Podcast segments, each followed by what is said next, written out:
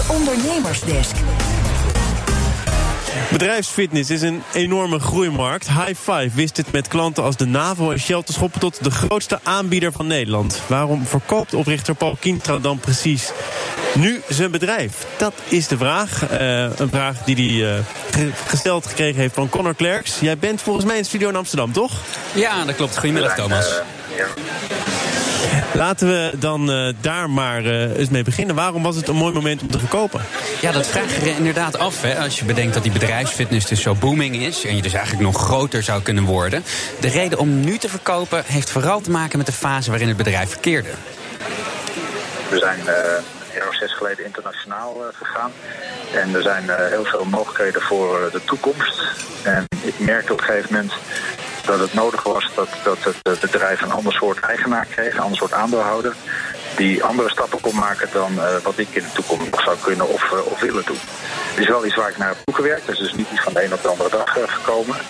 Maar ja, het bedrijf was er klaar voor. En, en ik heb er ook naartoe gewerkt. En heeft nu weer een hele mooie toekomst te gaan er naartoe werken, dat haal ik er even uit. Want hoe doe je dat dan? Hoe werk je naar zoiets groots toe? Ja, het is eigenlijk een kwestie van continu onderzoeken wat het bedrijf nodig heeft. En ben jij als ondernemer nou de juiste persoon om je organisatie naar een hoger niveau te tillen? En ook heel belangrijk, wat is er precies nodig voor verdere groei? Je zit eigenlijk als ondernemer altijd met, met, je, met je vinger aan de pols van, van het bedrijf zelf. En, uh, en, en, tegelijkertijd moet je ook uh, in de spiegel kijken. En ik merk aan de ene kant van mezelf, van na 30 jaar, vroeg van kan ik, kan ik het nog opbrengen om de komende 5 tot 10 jaar weer heel veel gas te geven en al mijn energie erin te stoppen. En tegelijkertijd merkte ik dat er enorm veel kansen en mogelijkheden waren die voor mij als, als uh, ja, zeg maar particuliere ondernemer of particuliere aandeelhouder moeilijker in te vullen waren dan als er een ander soort aandeelhouder was. Ja, volgens Paul Kienstra is het dan belangrijk om te zorgen dat het bedrijf niet van de ondernemer afhankelijk is. Daar heeft hij twee jaar aan gewerkt. In 2018 is hij zelf teruggetreden als CEO en heeft hij een nieuwe directeur aangenomen. En is toe gaan werken naar minder directe betrokkenheid. En vervolgens ben ik gaan rondkijken en heb ik een eh, bedrijf in de arm genomen, Fidelity uit Hilversum die mij hebben begeleid in het hele proces van het vinden van, een, eh, van, van kopers. En uiteindelijk ook het hele verkoopproces uh, zeg maar, hebben begeleid. En dat is dan weer een heel ander verhaal, wat, uh, wat zich de afgelopen anderhalf jaar zeg maar, heeft afgespeeld. Het is eerst het bedrijfsverkoop klaarmaken, uh, onafhankelijk van de eigenaar. En ten tweede een, een goede, hoe zou ik het zeggen, facilitator, een goed bedrijf wat daar verstand van heeft in de arm nemen. Die dat proces op een goede manier kan begeleiden. En waarom was het tijd voor nieuw leiderschap? Ja, het bedrijf dat ontwikkelde zich eigenlijk steeds verder. En dat gaat dan ook meer van de ondernemer vragen. Paul die vond dat hij zelf niet meer de juiste middelen had, maar ook niet de puff. Ik denk dat je altijd eerlijk moet zijn uh, naar jezelf toe en naar het bedrijf. En ik merkte dat ik na 30 jaar niet meer dezelfde energie kon opbrengen. En waarschijnlijk had ik uh, voor de volgende stappen nog wel meer energie moeten hebben dan ik uh, tot nu toe erin had uh, gestopt. Tegelijkertijd merkte ik dat de vraag van het bedrijf ehm, zich steeds meer ontwikkelde. En dat er een ander soort leiderschap of eigenaarschap nodig was om de volgende stappen internationaal te maken. Dan heb je het over toegevoegde waarde van, van zeg maar de aandeelhouder. En ik ben een, natuurlijk persoon, zeg maar, als aandeelhouder met mijn holding. En, en, nu is er een nieuwe uh, eigenaar die ook nog heel veel uh, kennis en faciliteiten meebrengt waar, waar High Five van kan, kan profiteren.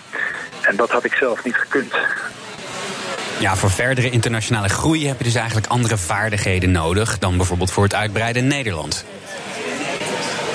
En, en dan is het 1 en 1 is 2. In, in de internationale groei is echt iets anders nodig dan, dan wat ik de afgelopen zeg maar 25 jaar uh, heb, heb gedaan. Uh, afgelopen vijf jaar in internationale ontwikkelingen die we hebben doorgemaakt is fantastisch geweest. Maar ik merkte, uh, we kunnen nog veel meer. Maar daarvoor is een ander soort eigenaar nodig. En dan moet je gewoon ook die consequentie durven nemen. En, en, en de stap maken. Gekoppeld aan het feit dat ik zelf ook merkte, het is mooi geweest. Nou, dat samen uh, opgeteld zorgt uh, voor het feit dat nu High Five bij Westfield om is gebracht. Die andere eigenaren, dat kunnen natuurlijk meerdere zijn. Misschien heb je wel de keuze. Hoe kies je dan de juiste kandidaat? Ja, dat was ook een vraag uh, waar ik mee zat. In het geval van Paul Kienstra ging het hem heel erg om de menselijke factor. Want bij High Five, zegt hij, zijn het de mensen die de, de kwaliteit bepalen van de dienst die ze aanbieden. Als je dus een nieuwe eigenaar zoekt, vond ik in ieder geval het, het ontzettend belangrijk dat die mensen goed terechtkwamen en dat je een bedrijf treft of een nieuwe eigenaar treft die snapt hoe dat in elkaar zit. Uh, bij Westwood Health is het zo dat, dat hun medewerkers op plaats 1, 2 en 3 komen. Uh, nou, dat, dat klikte dus voor mij al enorm goed. Uh, de visie die ze hebben op gezondheid en op gezondheid voor werknemers nou ja, liep helemaal gelijk. Ehm, en, en uiteindelijk was ik van overtuigd dat zij een, nieuwe vader konden zijn of een nieuwe moeder konden zijn. Voor ons bedrijf en voor de mensen. Uh, en, en dat was voor mij eigenlijk het allerbelangrijkste. Ja, een onderneming die dus puur voor de winst een overname doet... en dus op korte termijn ook weer denkt aan de verkoop... dat was voor Paul geen optie. Want High Five, dat noemt hij echt een kindje... dus het was ook niet makkelijk om afscheid te nemen. Ik heb een zoon van 16 en die gaat natuurlijk ook iedere keer uh, een stapje verder van me weg. En, en aan de ene kant kun je zeggen, goh, ik, uh, mijn kind uh, groeit op en gaat steeds verder van me weg. Maar tegelijkertijd is het ook een prachtig proces. Het is, het is ook iets om heel erg trots op te zijn. Dat een bedrijf op een gegeven moment zo gevorderd is dat het zelfstandig verder kan. En dan moet je op een gegeven moment ook gewoon durven zeggen... mijn taak zit erop. Ik heb de, de, de eer gehad om dit bedrijf 30 jaar zeg maar, als eigenaar te hebben...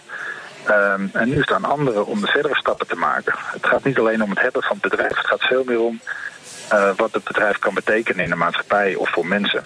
En als dat dan beter kan met een andere eigenaar, dan moet je die stap zetten. Daar ben ik van overtuigd. Een mooi besef van Paul Kienstra, die zijn bedrijf High Five na 30 jaar van de hand deed. En het werd opgetekend door Conor Clerks. Ook jij bedankt. Wil je nou meer horen uit de Ondernemersdesk? Dan vind je alle afleveringen terug als podcast via onze site of de BNR-app.